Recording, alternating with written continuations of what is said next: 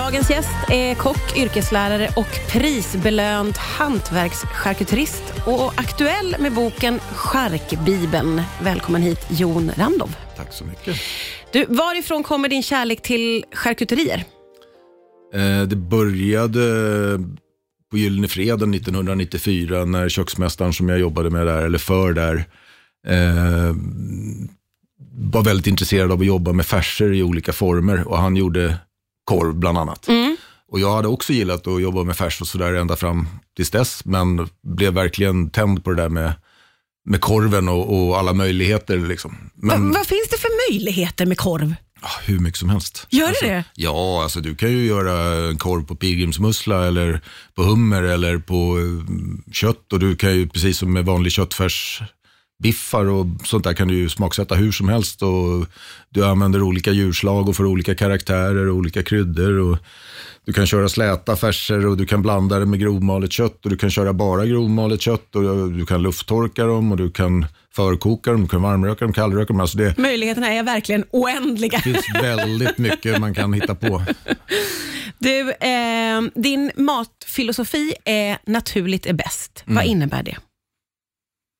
Det är nog ett arv jag har med mig sedan tiden som kock. Att om man ska vispa grädde eh, och behöver ha det hela dagen från morgon till kväll så är inte första tanken att man tillsätter en stabilisator för att få den att hålla, utan man vispar tre gånger om det är det som krävs. liksom. Eh, man söker hela tiden bra råvaror, rena råvaror. Och förutom att det har funnits någon period när man skulle använda kemikalier för att göra sån här hokus pokus mat så, så är ju kockens matlagande väldigt rent. Eh, så att när jag sen började fokusera på korven och det där så fanns det liksom inget annat alternativ. Utan först så trodde jag att det här med att använda nitritsalt var något man skulle behöva göra. Men eh, insåg till slut att det går att konservera på andra sätt. Liksom. Ja. Eh, Och hur föddes idén till att göra Charkbibeln? Eh, Jag har nämnt det innan här för lyssnarna. Den här boken, det är verkligen en bibel. Det är en stor, tung, mastig pjäs. Va- Var kom idén ifrån? Eh, idén ramlade på mig så tillvida att det var en eh, frilansskribent som i och med coronan hade fått färre uppdrag helt enkelt och inte visste vad hon skulle göra riktigt. Eh, och hon var kund och köpte redan eh, våra produkter. Och eh, så ringde hon eller skrev ett mejl, jag kommer inte ihåg vilket, eh, och frågade om jag var intresserad av att göra en bok. Hon hade varit inblandad i olika matböcker på olika sätt. Ja. Och hon sökte någon som var supernördig på det de eh, höll på med och hade fått ett tips om mig då att kanske jag skulle vilja göra det. Ja. Och jag hade ju haft en dröm ända sedan jag var kock, att få göra en kokbok. Det tror jag många kockar drömmer om. Ja. Och, eh, sådär. och helt plötsligt så, så låg bollen framför mig. Liksom, och det, ja, då är det ju bara att skjuta. Liksom. ja.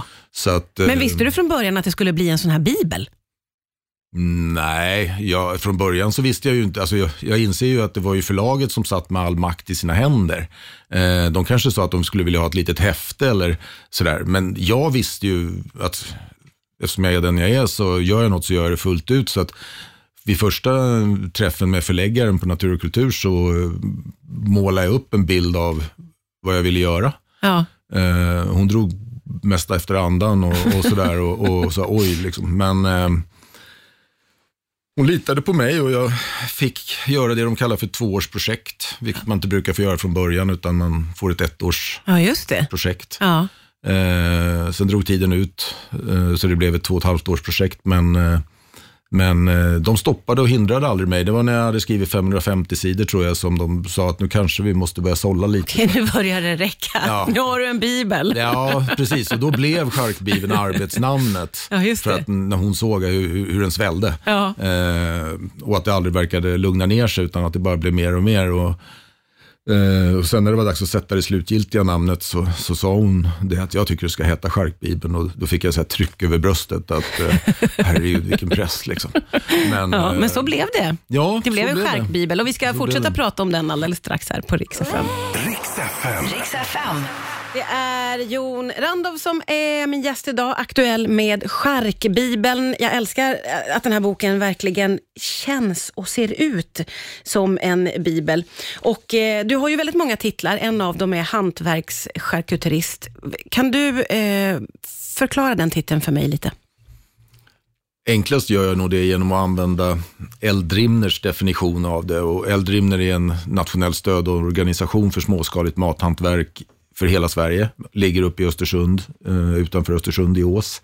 Och deras definition säger att det ska vara en hand med i varje steg av processen. Ah, okay. Så att du, du kan inte automatisera det som i en stor fabrik, för då är det inte hantverksmässigt. Nej, just det. Eh, Du kan ha vissa hjälpmedel, att om du har såna här mogningsrum där man lufttorkar så kan de vara förprogrammerade och sådana saker. Men du får inte ta bort det faktumet att, att det är du som producent som är den som har kontrollen hela tiden och, och är där och sådär. Det får inte bli för automatiserat.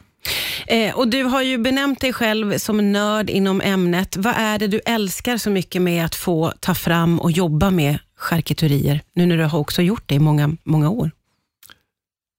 Alltså själva jobbet, att få jobba med händerna snarare än att sitta på, vid, på ett, skri, eller vid ett skrivbord och, och en dator, det, det är det som ligger mig absolut närmast. Eh, och jag var ju kock innan och, och, och sådär och har liksom lagat mat hela mitt liv. Och Utmaningen har ju liksom vuxit fram. Så att, eh, det började ju med att jag tog fram en, ett nytt sätt att göra en färskorv på, där jag mjölksyrade med, med hjälp av mjölksyrabakterier som sänker pH eh, och på det sättet förlänger hållbarheten. Och då behövs det inga som helst kemikalier eller tillsatser för att uppnå bättre hållbarhet än vad du faktiskt gör konventionellt sätt, om man nu får kalla det för det, med nitritsalt och sånt. Eh, och det blev ju sporren.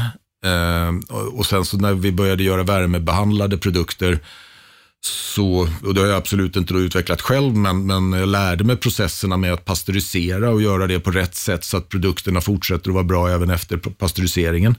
Eh, så att det här med att hålla en hög ribba, alltid sträva efter att höja den ännu mer och ha en extremt hög lägsta nivå. Det är ju det som är sporrande och utmaningen. Liksom. Eh, och Jag tänker att vi ska prata vidare om eh, vem det är eh, Charkbibeln vänder sig till. Det gör vi strax då på Rix FM. Riks FM. Ja, idag gästas jag av Jon Randov som är aktuell med boken Charkbibeln. Till vem vänder sig den här boken skulle du säga Jon? Till alla egentligen, om man har tillräckligt stort intresse. För att eh, utan engagemang, om man börjar snedda kurvan och inte gör som det står, då kommer man inte att göra det bra. Liksom. För här gäller det att följa instruktioner och vara noggrann, förstår jag ju på dig. Precis. Så att eh, det finns några nyckelfaktorer som man måste följa jättenoga. Eh, och sen så sen finns det allt från det enkla till väldigt komplext och, och avancerat och det kan behövas utrustning som man kanske no- Ja, normalt inte har. Nej. Så det är den, både entusiasten som vill få information för att kunna prova och lära sig till folk som redan kanske är eh, utbildade hantverkscharkuterister och har gått på Eldrimner men inte kommit igång eller är precis i startgroparna. De kan spara år av misslyckanden genom att läsa den här boken. Ja. Sånt som jag inte har haft någon att bolla med på riktigt utan man får lära sig den hårda vägen. Ja, just det. Just det. Eh, och sen så, eh, givetvis om det finns någon ute i den konventionella charkvärlden som skulle vilja testa och eh, ändra på saker och ting så finns det mycket tips och tricks. Men du, om det sitter någon i bilen och lyssnar på oss nu som tänker, gud jag blir så sugen på att testa, men det är en nybörjare. Vad ska man börja med tycker du? Då börjar man med de eh, recepten som jag i boken säger att eh, det här är ett bra recept att börja med. Vad kan det vara? Vad har du för exempel på det? Färskkorv till exempel. Ja, Okej. Eh, den finns i tre varianter kan man säga. Den traditionella färskkorven som, som inte man har gjort något speciellt med. Ja. Eh, den varianten som jag har tagit fram där man mjölksyrar färskkorven. Och sen så där jag lägger till kallrökning också som ytterligare en dimension i det.